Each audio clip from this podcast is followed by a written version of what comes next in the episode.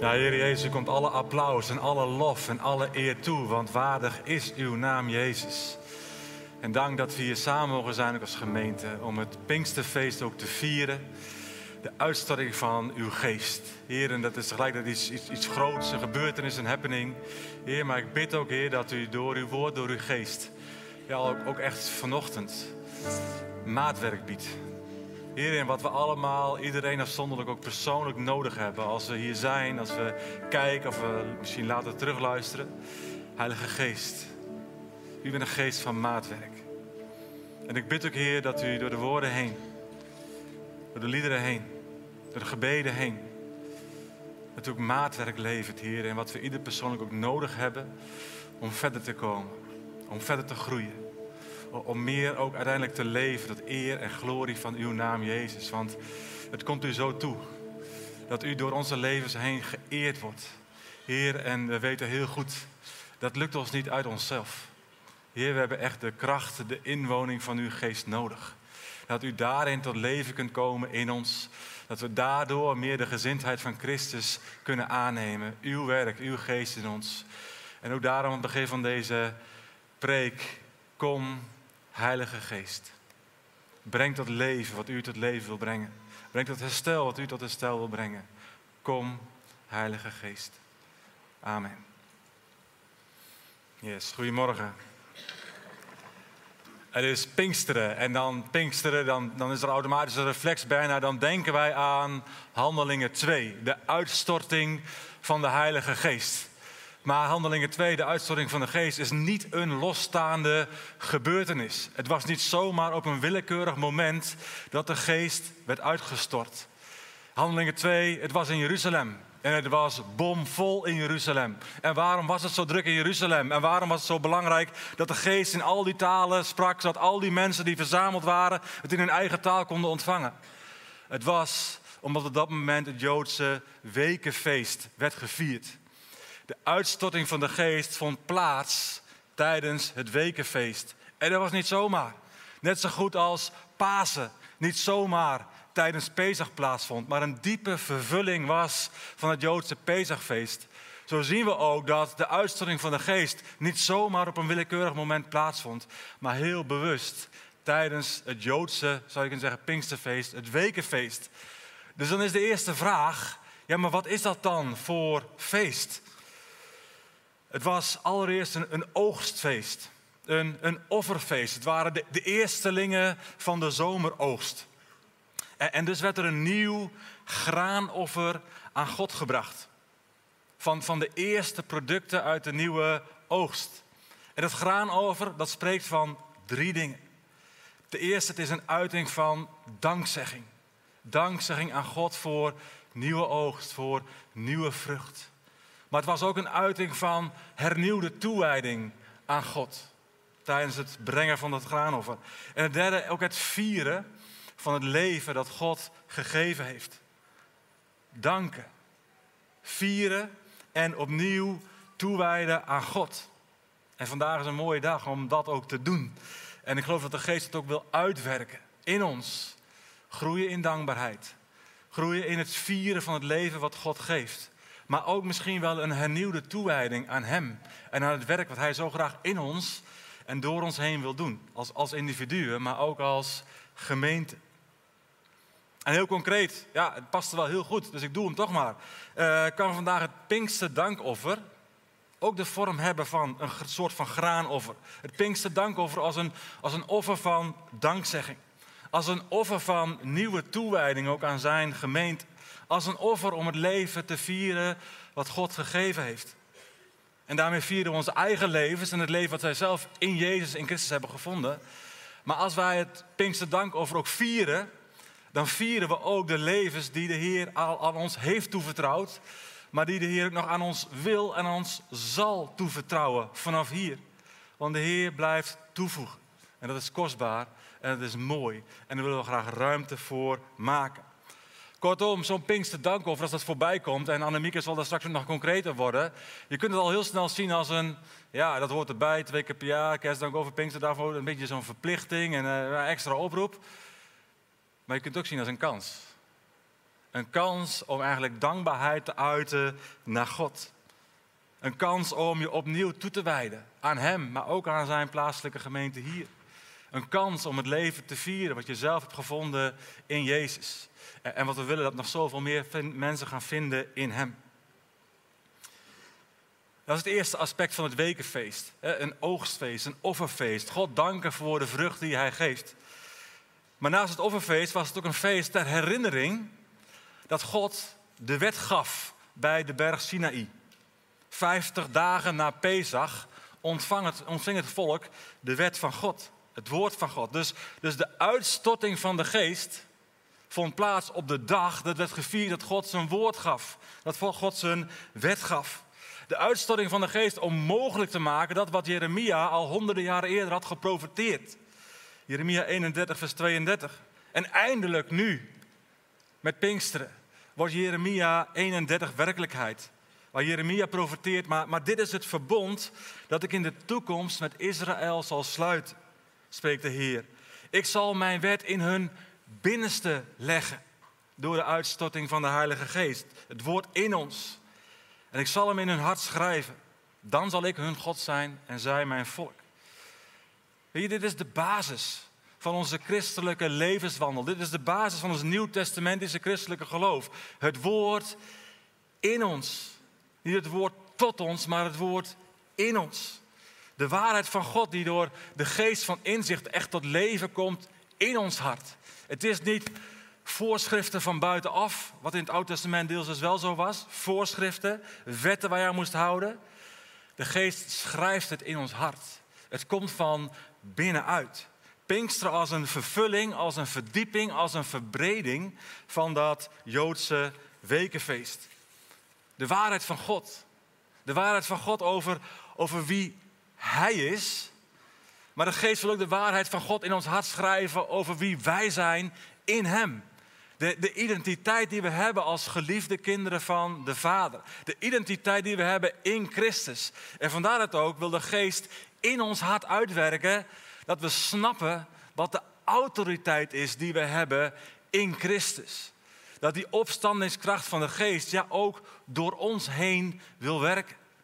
Elke dag opnieuw. Dat is wat de geest in ons wil uitwerken aan waarheid, onze identiteit, onze autoriteit, onze bevestiging van wie God zelf is. Waarheden die de geest diep wil inbranden in ons hart. Efeze 6, vers 17 zegt dat ook. U zult niet zonder de helm van de redding kunnen of zonder het zwaard van de geest. Komma, het woord van God. Dat vind ik zo mooi. Het woord van God is tegelijkertijd het zwaard van de geest. Die, die werken niet los van elkaar. Maar de geest maakt juist bovenmatig veel gebruik van het woord. En dat is zo belangrijk om ten allen tijde te blijven beseffen. Als wij zeggen we willen meer ruimte voor de geest, dan zeggen we allereerst halleluja, toch? Zo, er zijn echt vier mensen die meer ruimte voor de geest willen. Dat is echt te weinig. Willen we meer ruimte voor de geest? Amen. Yes. Dat betekent automatisch dat we ook meer ruimte willen bieden voor het woord. Want het woord is het zwaard van de geest. Dus als je ook in je eigen leven zegt: Oh, ik wil groeien, ik wil dat de geest meer ruimte krijgt in mijn leven, besteed meer tijd aan het woord. Want de geest wil zo vaak het woord in ons tot leven brengen. Ik heb zoveel momenten in mijn leven gehad dat ik merkte dat de geest door me heen werkte. Hoe? Doordat hij mijn woorden te binnen bracht die ik eerder had gelezen, had opgeslagen in mijn hart. Het zwaard van de geest is het woord van God. Vorige week was ik in Tanzania voor de, de Muscatlon. En, daar kwam dat ook weer zo binnen. Ook die samensmelting van woord en geest. De geest bracht het woord in mij echt tot leven. Ik ben daar op vele manieren geraakt en ook weer onder de indruk geraakt. Uh, en daar ga ik andere momenten zeker nog uh, meer over delen. Want uh, we hebben kansen naar de toekomst om verschil te maken daar ter plekke. Juist door er te zijn heb ik gemerkt dat doet zoveel. En dus we moeten daarheen met veel meer van ons, om verschil te maken in de levens van mensen. Het verschil tussen geen hoop hebben en wel hoop hebben, letterlijk. Voor het leven van hele gezinnen, hele gemeenschappen. Dat is diep en intens. Um, maar vandaag wil ik er een andere ervaring uitlichten, die me op dat moment meteen al deed denken van, ja, dit moment. Ik denk, dit, dit is gewoon mijn Pinksterpreek. Wat ik hier zie gebeuren. Want bij twee verschillende Compassion projecten gingen we ook echt kennis maken met een aantal aspecten vanuit hun dagelijks leven. Dus bij één project gingen we bijvoorbeeld eh, een groep water halen. En dat is niet grappig. Dat betekent twee kilometer lopen.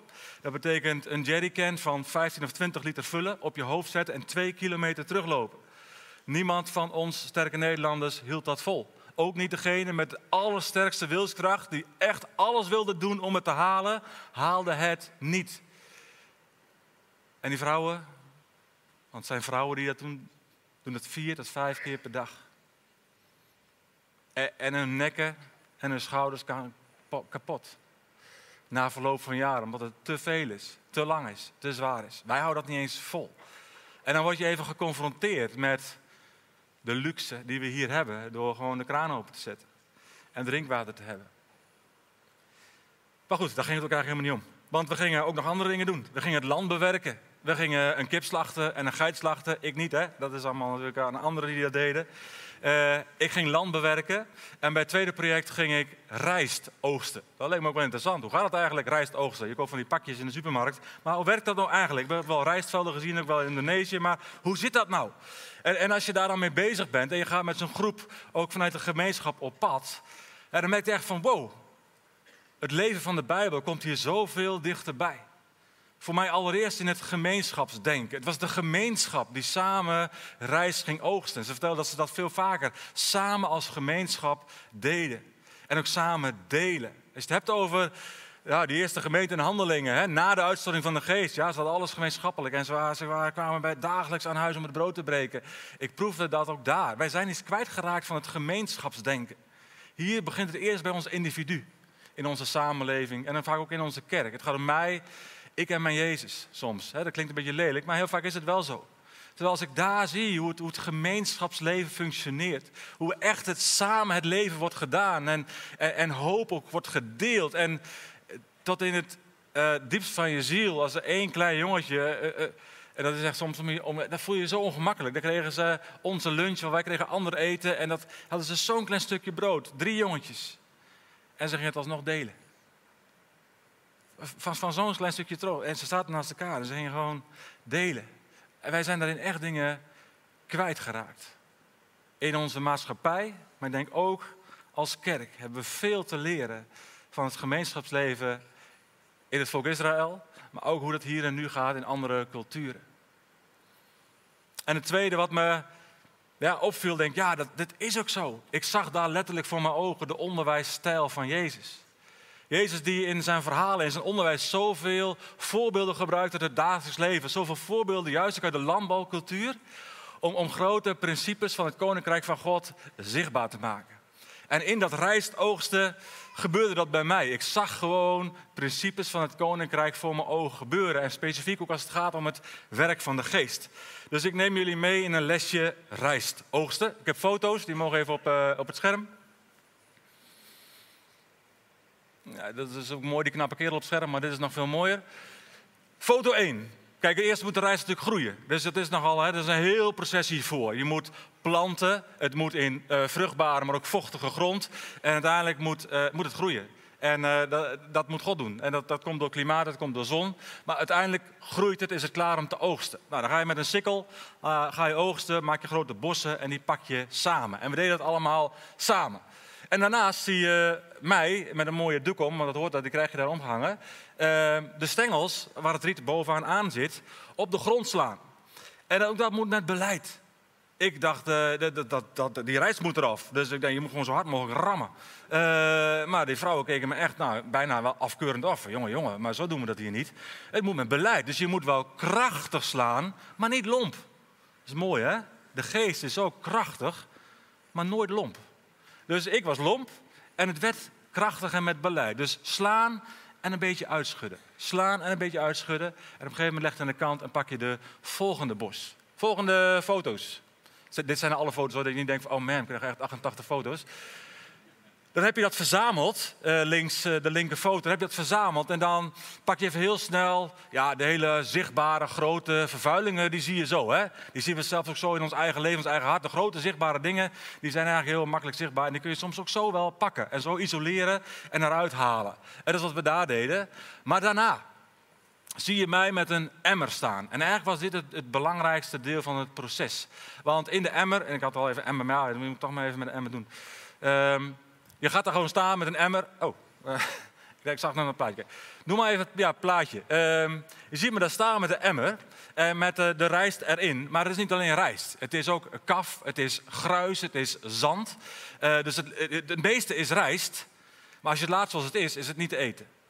Dat is niet goed. Dus het moet eruit. En dan doe je dus, ga je er staan met de emmer.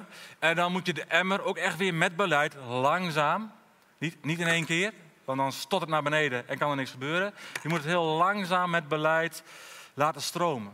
Maar zo dat de wind erbij kan. Want als de wind erbij kan, dus de wind komt in dit geval van die kant. Als ik zo ga staan en de wind komt van die kant, gebeurt er niks. Als ik zo ga staan, je positie is heel belangrijk, je houding. En de wind komt erbij en ik laat het heel langzaam waaien, dan waait eigenlijk het meeste van het kaf, het meeste van het gruis, waait weg. En de rijst, die iets zwaarder is, valt gewoon naar beneden. Zo doen ze dat daar. En dat doen ze herhaald een aantal keren. En dan is echt het overgrote deel van de um, vervuiling is eruit. Ik vond dat een mooi principe. En waarom dat een mooi principe zit, dat ga ik nu nog even verder uitleggen. Um,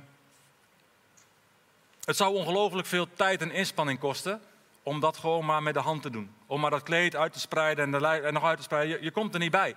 Je hebt steeds weer rijst in je handen terwijl je op zoek bent naar die kleine stukjes gruis. Uh, er is iets anders nodig.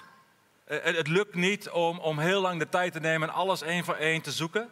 Zo werkt het niet. Het is eigenlijk onmogelijk, want het is te klein ten opzichte van de echte rijstkorrels. Terwijl juist die optelsom van al die kleine vervuilingen maken dat het niet geschikt is voor consumptie. En dacht, ja, dat is in ons leven vaak ook zo. Die hele grote dingen zijn soms wel zichtbaar, maar die optelsom van hele kleine vervuilingen in ons denken, die optelsom van hele kleine vervuilingen in ons hart, en vandaar het soms ook in ons handelen, dat, dat maakt dat dat ons leven vertroebelt. Maar dat het ook eh, de onderlinge communicatie en relaties zo makkelijk vertroebelt. Het leven met God vertroebelt het leven met elkaar, ook als gemeente, vertroebelt. En het proces van die vervuiling eruit halen, die wordt dus ook overgelaten, zou je kunnen zeggen, aan de wind. En in de wind, dat is in de Bijbel een belangrijk beeld van de geest. Je, je moet zo gaan staan dat de wind erbij kan. Dat de wind zijn werk kan gaan doen. En je moet dus zo langzaam de emmer laten vallen, dat de reis toch echt recht naar beneden valt en de rest kan wegwaaien. Een paar keer herhalen en is de meeste onzuiverheid weg. En twee zaken die ik nog even er extra wil uitleggen, die me echt raakten en me opvielen. De eerste, het is een, een, een langzaam proces. Ik heb het al gezegd. Een langzaam proces. En dat is wat het werk van de Heilige Geest in ons ook is. Het is vooral een langzaam proces. Als het gaat om de vorming van ons karakter. Als het gaat om tot uiting komen van de vrucht van de Heilige Geest. Wat, wat, wat niks meer, maar gelukkig ook niks minder is dan het karakter van Jezus in ons. De gezindheid van Christus die meer en meer gestalte mag krijgen zoals de Bijbel dat zegt. Het is de vrucht van de geest. En dat is een langzaam, levenslang proces. Dat die vrucht van de geest meer en meer zichtbaar mag worden in ons leven. En allereerst in ons hart. De vrucht van de geest. Het is niet te organiseren. De vrucht van de geest is niet één krachtig gebed, één keer die emmer opkieperen, huppakee, en de vrucht van de geest is helemaal in mij en vanaf nu zal het nooit meer anders zijn. De vrucht van de geest, het is een langzaam proces en soms een steeds herhalend proces om onzuiverheden in ons karakter te identificeren, in ons hart openbaar te maken, zodat het ook door de geest en door de keuzes die we zelf bereid zijn om te maken, als de geest dingen zichtbaar maakt, het te verwijderen uit ons leven. En dus zal ons karakter meer en meer gaan lijken op Jezus.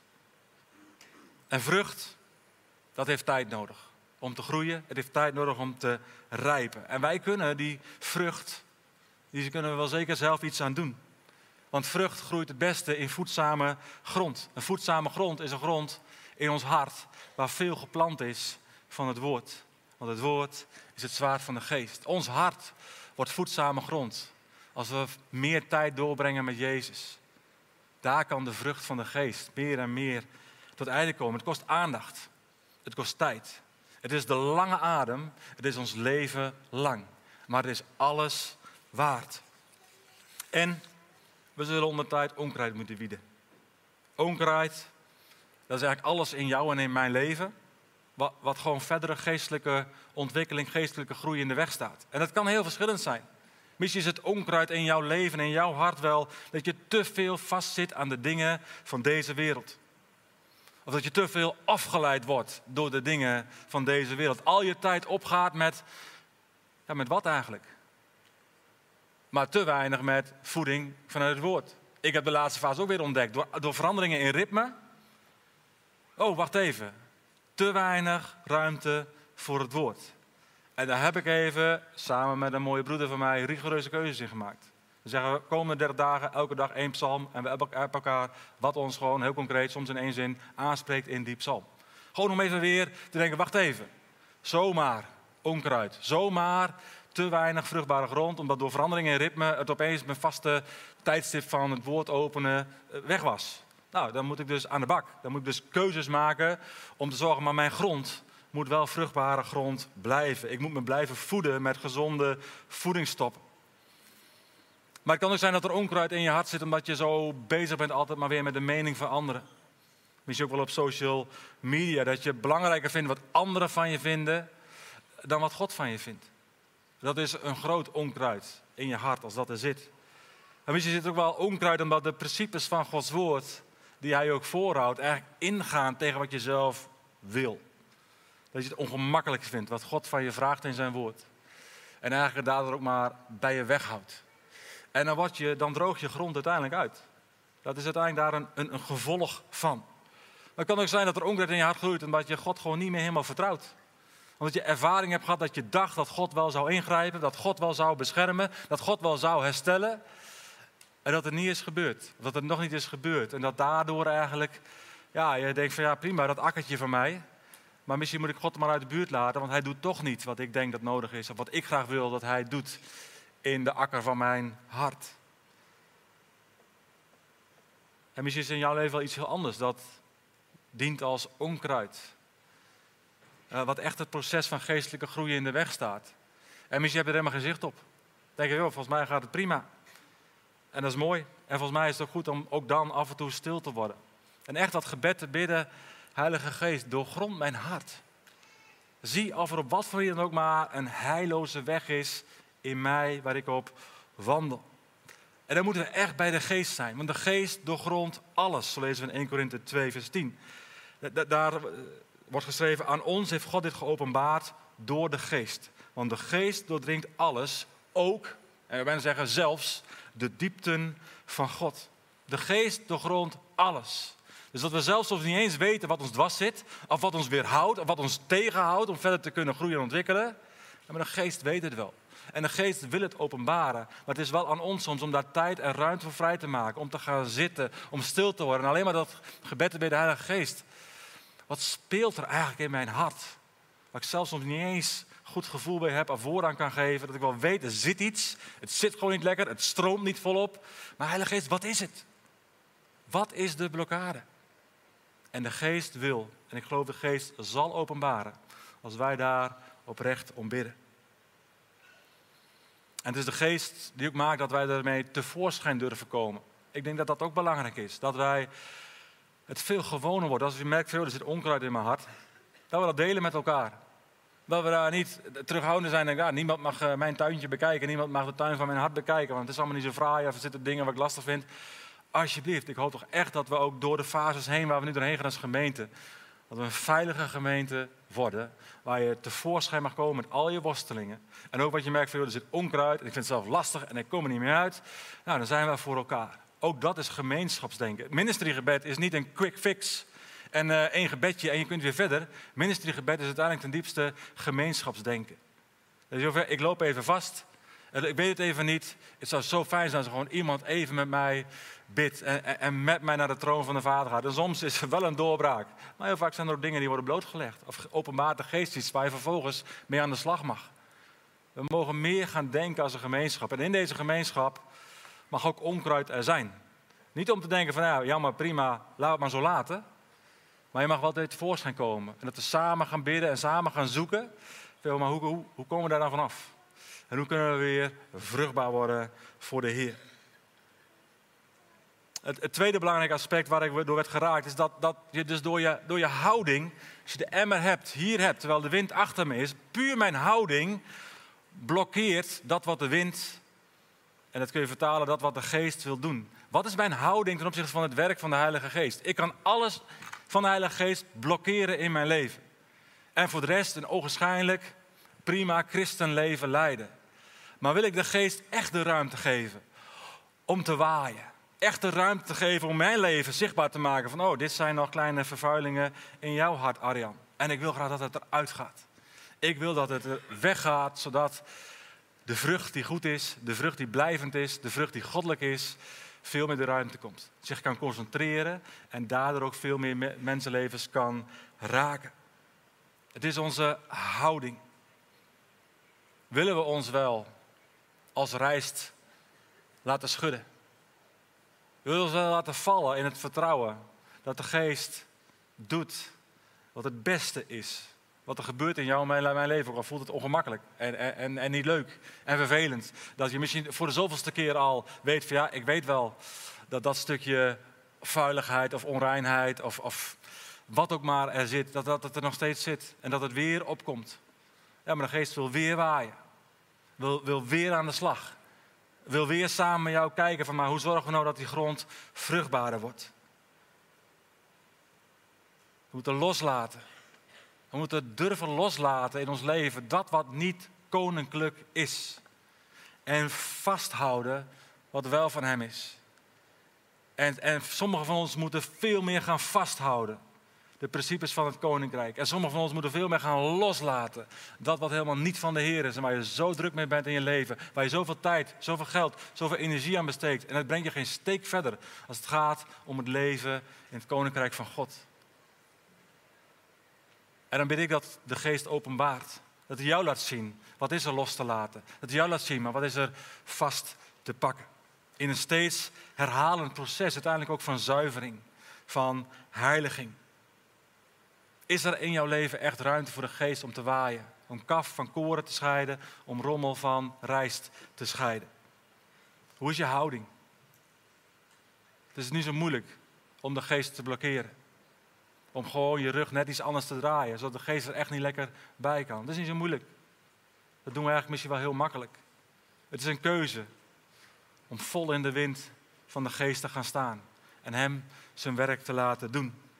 En, en het is maar een eenvoudig gebed, wat, wat op heel veel verschillende manieren uit kan komen. Het gebed is alleen maar, kom Heilige Geest. Dat gebed, kom Heilige Geest, mag ons eenvoudige gebed zijn. als wij dat vanuit een oprecht hart bidden, Weet je, betekent niet dat hij er nog niet is. Dat we hem echt moeten uitnodigen om te komen. Nee, kom Heilige Geest betekent dat we hem uitnodigen om te openbaren. Maar wat wilt u dan doen in mijn leven, in mijn hart, in ons leven, in ons hart? En wilt u maar werken zoals u dat wilt en zoals het goed is. Niet zoals ik denk dat goed is en ik denk dat nodig is. Maar kom Heilige Geest, is één grote uitnodiging. Openbaar in mijn leven wat er geopenbaard moet worden. Doe in mijn hart wat gedaan moet worden. Werk uit gewoon in mijn handelen wat uitgewerkt moet worden. En, en dat is niet één gebed en één manier. We kunnen zo makkelijk soms ook vervallen. Ja, maar we moeten meer vuur van de geest. En dat is dan, kom Heilige Geest. Vuur van de geest, zeker, ik verlang ernaar. En tegelijkertijd is er maar één aspect. En voor sommigen is er iets heel anders nodig dan vuur van de geest op dit moment. Want er zijn veel meer beelden die het werk van de geest aan ons en in ons beschrijven. De geest als wind, de geest als water, de geest als zegel, de geest als vuur, de geest als olie. En ik ga ze allemaal kort beluisteren, omdat ik denk dat de Heer hierin maatwerk wil geven. En ik wou eigenlijk afsluiten met olie. Maar op de fiets hier naartoe had ik echt de indruk dat de geest zei: nee, daar moet je mee beginnen. Het beeld van de Heilige Geest als olie. En olie staat aan de ene kant voor zalving, voor toewijding, toewijden aan God. apart gezet worden, gezalfd worden, ook als koning, priester, profeet. Joh, we zijn het allemaal. Toewijding aan God. Aan de andere kant is het beeld van olie ook het verzorgen van wonden. Want we kunnen wel verlangen naar meer van de geest, en dat het gaat stromen en dat er de krachten en tekenen en wonderen, zeker. Maar voor sommigen van ons moeten er eerst wonden verzorgd worden. Het gaat helemaal niet vandaag om het vuur van de geest, maar gaat om het olie van de geest. Het kan op heel persoonlijk niveau zijn in jouw leven, door beschadiging die je is overgekomen, die je is aangedaan, die je misschien wel jezelf hebt aangedaan. Dan is het beeld van de olie van de geest, dat de geest zegt veel maar, mag ik erbij? Mag ik bij jou wonden? Want ook daarin zijn we zo makkelijk dat we die dingen maar weghouden bij God. Maar mag ik vanuit dat beeld van olie bij jouw verwonding komen? Mag ik het verzorgen? En ook dat is heel vaak, dat hopen we wel. En dat is soms ook zo'n valkuil als het gaat om het werk van de geest. Oh, vuur van de geest, tekenen, krachten, wonderen. Dus nu genezing in Jezus' naam voor de wonden jij hebt in je ziel. Soms is het er, maar heel vaak is dat niet wat we moeten bidden. We moeten bidden dat er olie is om de wond te verzorgen. En een probleem in de ziel moet vaak worden opgelost in de ziel en niet in de geest. Een probleem in de geest moet worden opgelost in de geest. Maar we vermixen dat soms nog te vaak. En hebben we zeker de geest nodig om allereerst de wond te verzorgen. Om de wond misschien wel te reinigen van alles wat er maar aan is gaan kleven. Om van daaruit uiteindelijk ook te kunnen komen, misschien wel in een heel proces van herstel. We moeten een beetje af van dat patsboom denken. Want dat is het gewoon heel vaak niet. Dat is het eerlijke verhaal. Het is niet één gebed. Het is niet één doorbraak van de geest en alles is goed. De geest kan in één moment zeker genezen. Ik geloof daar volop in. Maar heel vaak is het een proces. En begint het eigenlijk met verzorging van de wonden. Persoonlijk niveau, maar ook als gemeente. We zijn verwond geraakt de afgelopen jaren. Dat is gewoon een feit en dat hebben we eerlijk in de ogen te kijken door corona heen, door ook polarisatie, ook binnen onze gemeente, die zomaar tegenover elkaar staat in standpunten. En daaroverheen het proces rondom relatieethiek, het LHBT-verhaal, de houding die we erin willen aannemen als gemeente. Het heeft ons verwond. Het heeft ons verwond als gemeente, het heeft ons verwond als personen, het heeft ons verwond. We krijgen wel eens te horen van het lijkt alsof de leiding gewoon doorgaat. Joh, integendeel, oh ja, we gaan door. Want de Heer gaat door. We hebben alle geloof en alle vertrouwen dat de Heer doorgaat met het bouwen van zijn gemeente. Maar zeker staan we stil. Zeker zijn we zelf daarin ook verwond geraakt. En zien we ook dat de gemeente verwond is geraakt. omdat we broers en zussen missen, die hebben besloten om de gemeente te verlaten. Omdat ze gewoon niet daarachter kunnen staan en hoe we daarmee om willen gaan. Er zijn broers en zussen die we lief hebben. Broers en zussen waar we soms jaren mee op hebben getrokken. En die nu een andere weg gaan. Door het hebben in de ogen te kijken, dat doet soms ongelooflijk veel pijn dat slaat soms gewoon maar wonden. En voor sommigen niet, want je kent misschien een deel van die mensen helemaal niet, maar voor sommigen wel. En daar willen we niet uit de weg gaan. Daar is misschien wel olie als eerste voor nodig. En dit is niet nu even één minuutje. Dan denk ik, nou, dan hebben we het benoemd en dan kunnen we weer door. Nee, daar gaan we op de komende gemeentevergadering echt tijd voor nemen. Echt elkaar daarin in de ogen kijken van wat is er nou eigenlijk gebeurd? Wat doet dat met ons? Wat is er nodig? Daarover praten met elkaar, omdat daar wonden zijn geslagen die misschien wel eerst geheeld kunnen worden voordat de geest andere dingen in ons kan uitwerken. Beeld van olie. Ook omdat de geest de trooster is. Dus er is verwonding en soms is het er al eerst gewoon als trooster. Trooster in ons verdriet. In de rouw die we hebben, in het gemis wat we hebben, de pijn die we hebben, is daar de geest. En als eerste wordt hij aangekondigd als de trooster, de helper. Hij wil er zo graag bij. Maar als wij hem niet de ruimte geven, dan kan hij er niet bij. Dus het we moeten ons hart wagenwijd openzetten voor hem. Maar daarin ook door, voor elkaar. Want de geest werkt ook zo vaak via jou naar mij, via mij naar jou. Het is niet zo dat het allemaal maar solistisch, ik en de geest is. Ook daarin, dat gemeenschapsdenken. Ik word vaak het meest geraakt door wat andere mensen, geïnspireerd door de geest, tegen mij zeggen. Hebben elkaar erin zo nodig, ook als er wonden zijn, om het samen onder ogen te zien en aan te gaan. Dat is de olie.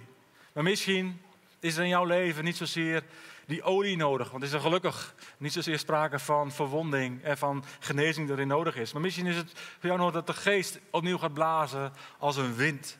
Dat jouw geestelijk leven nieuwe inspiratie. De geest staat ook voor inspiratie. Dat het God geademd wordt in jouw leven. Dat er nieuwe inspiratie nodig is. Want vanuit die coronaperiode, je bent hier nu fantastisch. Of je kijkt, hartstikke mooi. Of je luistert na, geweldig. Maar je merkt, joh, ik, eh, eh, mijn geloof is niet meer zoals het was. Het is wat lauw geworden, het is wat mat geworden. Uh, ik ben minder geïnspireerd. Jo, dat, dat is deels begrijpelijk vanuit gewoon het hele proces waar we uitkomen. Maar het kan niet zo zijn. Dat we dan maar denken, het is ook wel best zo. Het kan niet zo zijn dat we denken, nou ja, dan is het maar wat vlakker of wat matter. Maar uh, ik doe gewoon mijn ding, ik verschijn gewoon keurig en ik, uh, ik ben erbij. Dat kan niet zo zijn. Dus misschien is in jouw leven wat meest nodig dat dat wind van de geest echt weer gaat waaien. Dat een nieuwe inspiratie komt. Om, om te leven voor Hem. Om je te voeden met zijn woord. Om te wandelen ook in zijn gaven. Zeker. Wind van de geest. Inspiratie. Maar voor anderen betekent dat, dat ene simpele gebed, kom Heilige Geest.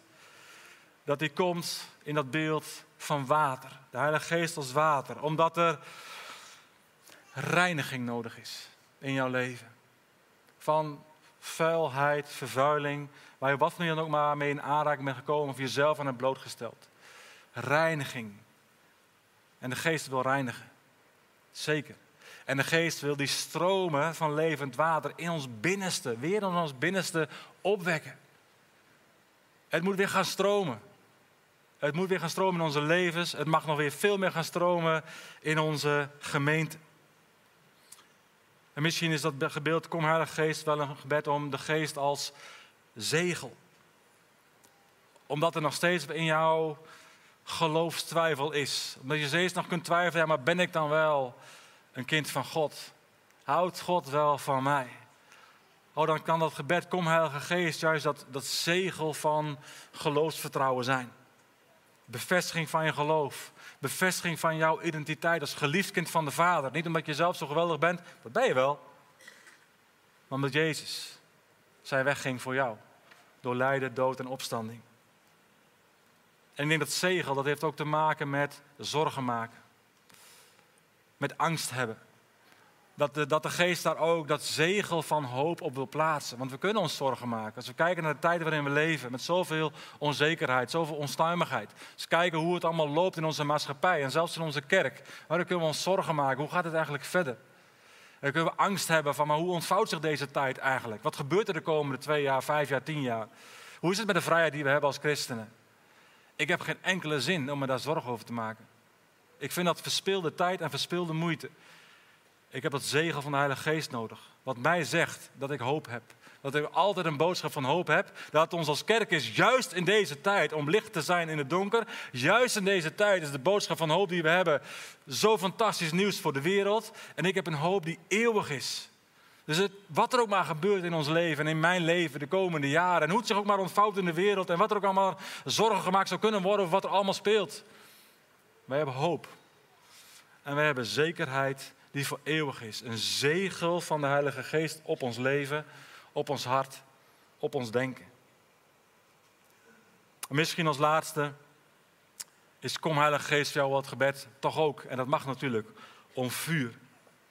Om vuur wat aan de ene kant te maken heeft met loutering. Het vuur wat loutert, het vuur wat wegbrandt, alles wat niet van God is. Ook het kaf en het koren, beeld van Jezus en Lucas. Was ook het beeld van het vuur, dat het kaf zal uit uh, wegbranden.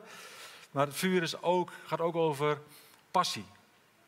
Ik geloof dat hier mensen zijn, ik geloof dat de Heer dat me liet zien, die al lang weten wat God van hen vraagt. En je bent nog steeds niet in actie gekomen. Je weet al lang wat een volgende stap is in jouw reis met God. Misschien wel concreet over bediening of roeping. Oh, maar is er wel een stap die je hebt te zetten om af te rekenen met. Of een keuze die je hebt te maken om niet meer dat te doen of juist wel dat. Je weet het al lang. Maar je doet het niet.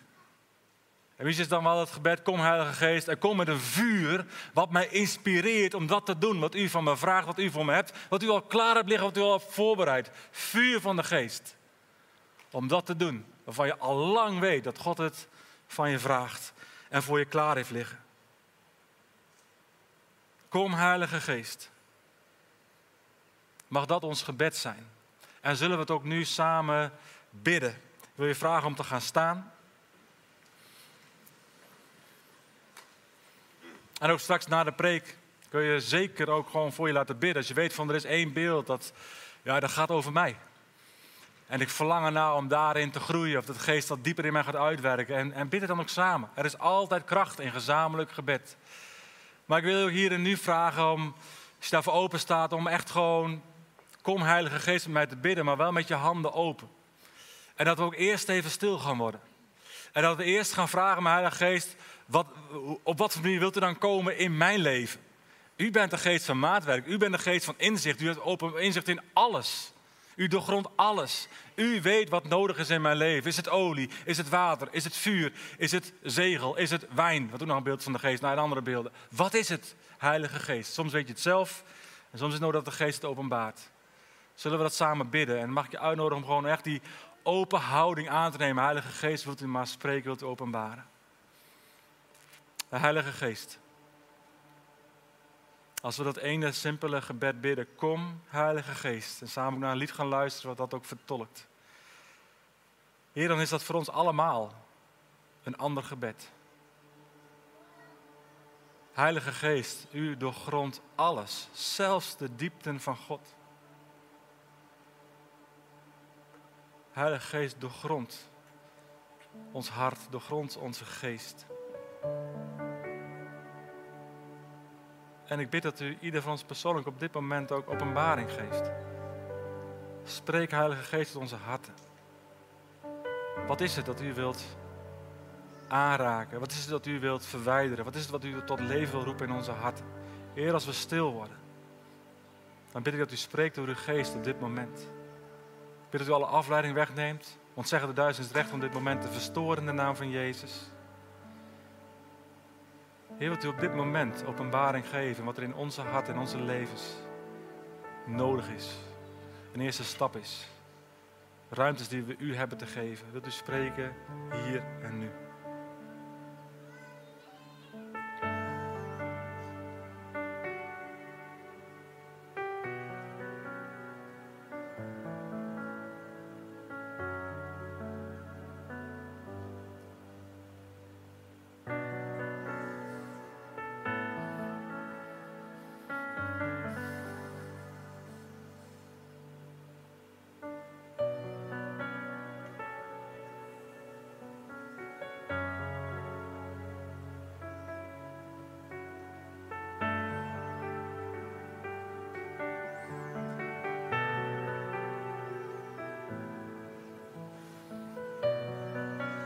En ik wil je uitnodigen om nu zelf woorden te geven in gebed. Waarvoor jij de geest wilt uitnodigen of denkt dat het goed is om hem voor uit te nodigen. En in Tanzania, man, wat heb ik er veel geleden ook gebeden voor meer losheid in mijn heupen om soepel te dansen. Dat is helaas nog niet verhoord. Maar er waren kinderen. En die kinderen gingen om ons heen staan als groep en die gingen voor ons bidden. Kinderen van jaar of acht, negen. Zonder enige vorm van schaamte over wat anderen zouden denken als zij hardop zouden bidden. Was daar zo'n vurig gebed. Kwam zo diep uit die kinderen, zo jong, maar zo vurig, zo krachtig, zo zonder vorm van schaamte.